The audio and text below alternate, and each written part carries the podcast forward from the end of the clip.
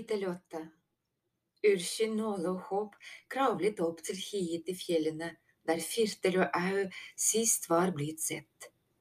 Myrtel strevet med å holde følge, så de buttet på å bære henne på ryggen. Firtel, ropte hun, au!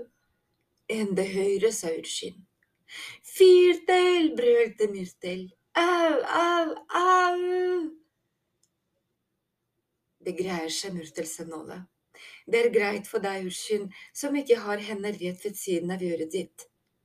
Hysj, sa Håp og la til, vær så snill. Han stanset, la øret mot bakken og lyttet.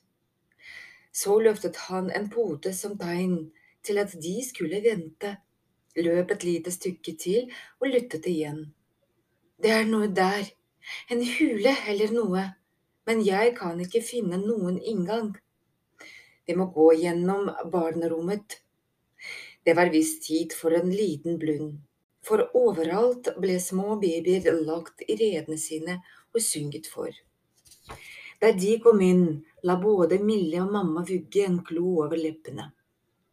Håp løftet hodet, snuste og pilte redd bort til den bakre veggen.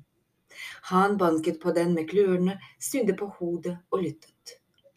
Han må gjøre det der, sa Ursen lavt til mamma Vugge. Han prøver å finne Firtel og Au. Mamma Vugge nikket for å vise at hun var enig.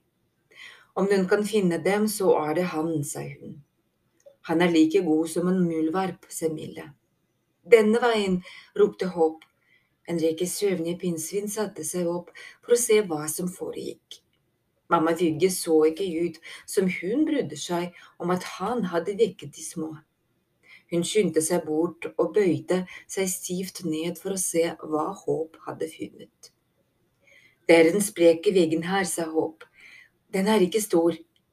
Jeg kan fortsatt ikke se den, sa mamma Vugge og skjelte mot veggen. Men hvis du sier den er der, så tror jeg deg. Den er bitte liten, sa Håp. Den er for trang for de fleste voksne dyr, men det er et hulrom bak den. Det er en hule, tror jeg. Firtulao kan ha funnet veien inn. Det er for trangt for meg, sa Urskin. For deg også, Nola. Men ikke for meg, sa Myrtel håpefullt. Jeg tror jeg også skulle klare det, sa Milde. Hun tok av seg forkleet og la seg ned på alle fire for å ta sprekken nærmere i øysyn. Kanskje jeg kan grave den litt større? I samme øyeblikk begynte gulvet og veggene i hulen å riste. Hold avstand, ropte Hope. Hold avstand, alle sammen. Babyer ble snappet opp fra redene sine. Nåla og Urskin løp med armene fulle av sprellende små dyr. Nei, ropte Håp, spre dere, bak veggen, noen av dere, opp mot den veggen, noen av dere bor dit. Noe skjelver nede i bakken. Det er trerøttene som beveger på seg. Spre vekten, sa Ursyn, som hadde forstått hva Håp prøvde å gjøre. Han løp for å organisere de forvirrede dyrene. Du, du, du, opp mot denne veggen. Stå helt stille. Nå la få med deg disse dyrene ut. Nedover, ikke oppover, ropte Håp. Dere tre blir her med mamma Vygge, ropte Ushin. Så hørte han også det Håp hadde hørt. Fra et sted litt høyere oppe kom en slindrende lyd, som en bekk av sand eller grus nedover åssiden, og hele tiden ble den høyere. Det knaket et sted. Så kom det et brak som om et tre ble revet opp med roten, og så et brøl. Nåla holdt potene over Myrtes søler. En buldring og et smell som fikk bakken til å riste. Alle krøp sammen. Ursen bøyde seg beskyttende over de små pinnsvinene han hadde i armene. Et tynt regn av jord og sand la seg på hodene deres. Håp, sa Ursin. Han turde ikke bevege seg, ikke engang se opp. Stå stille, sa Hopp lavt. Urskin sto så stille han kunne, med et godt grep om babyekornene, mens han ba om at de ikke måtte begynne å sprelle eller vri seg. I den spente stillheten som fulgte, kunne han tydelig høre slindringen fra sanden. Han kunne høre ekornene i armene sine puste. Et smil over ham fikk ham til å dukke og knipe øynene igjen, og han strammet grepet om babyene. En av dem pep.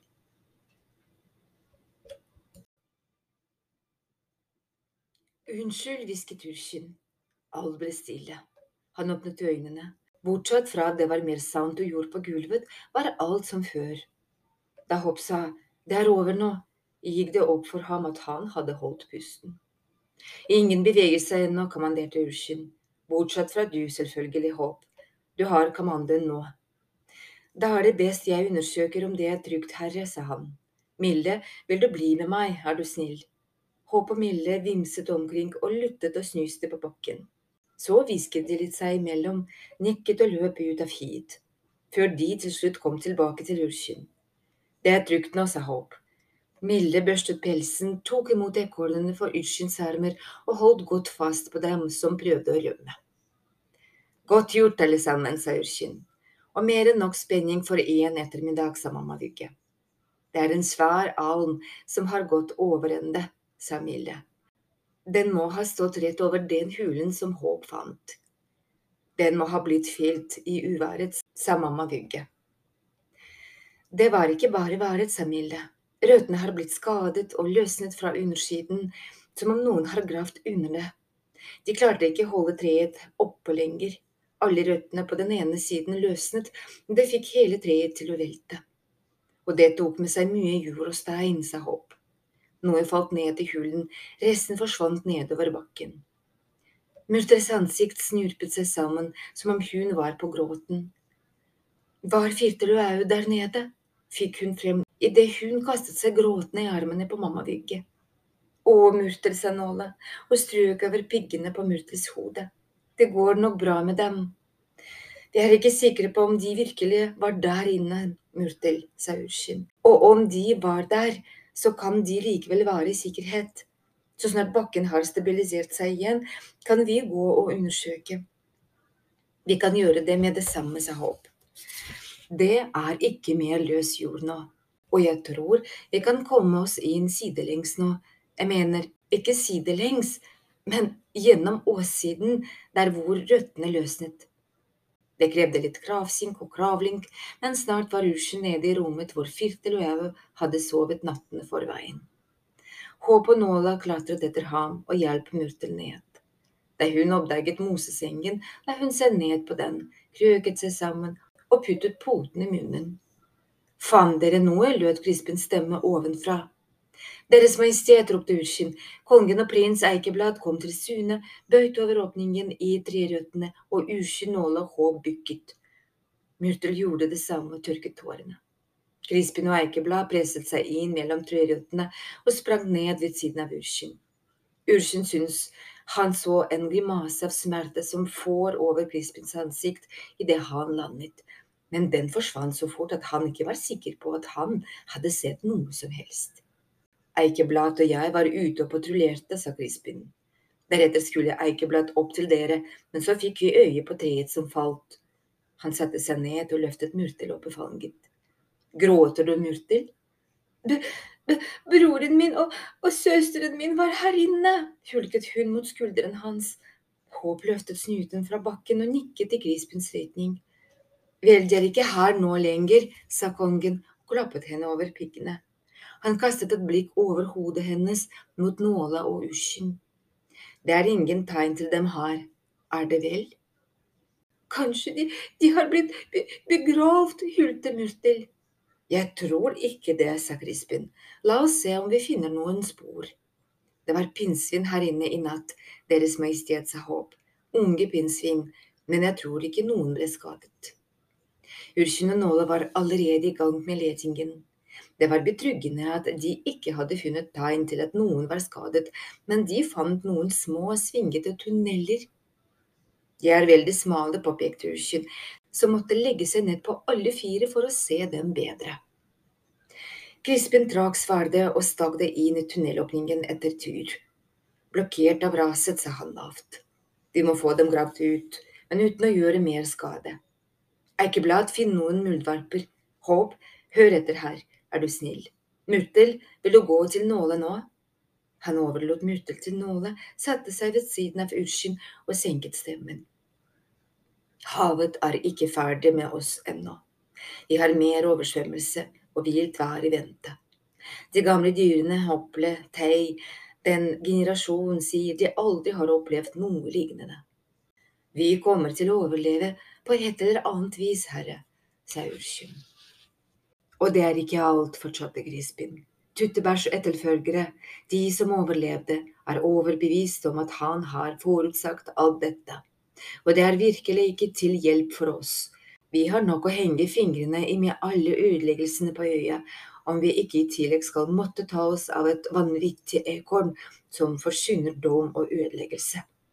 Ursum kom ikke på å si noe. Han tidde. Og det som er mest enerverende, fortsatte Crispin, er at vi ikke kan begynne å bygge opp hjemmene våre eller reparere skadene før etter den neste bølgen.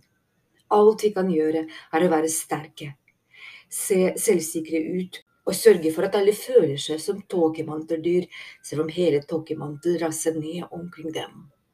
Jeg skal gjøre mitt beste, herre, sa. En bevegelse fanget oppmerksomheten hans. Hva er det Myrtel holder på med? Det tidde og bøyde seg over hendene. Nåla la en klo over leppene. Myrtel hadde sluttet å gråte. Med et fraværende uttrykk i ansiktet hadde hun tatt en podefugl med mose og begynte å presse og forme den.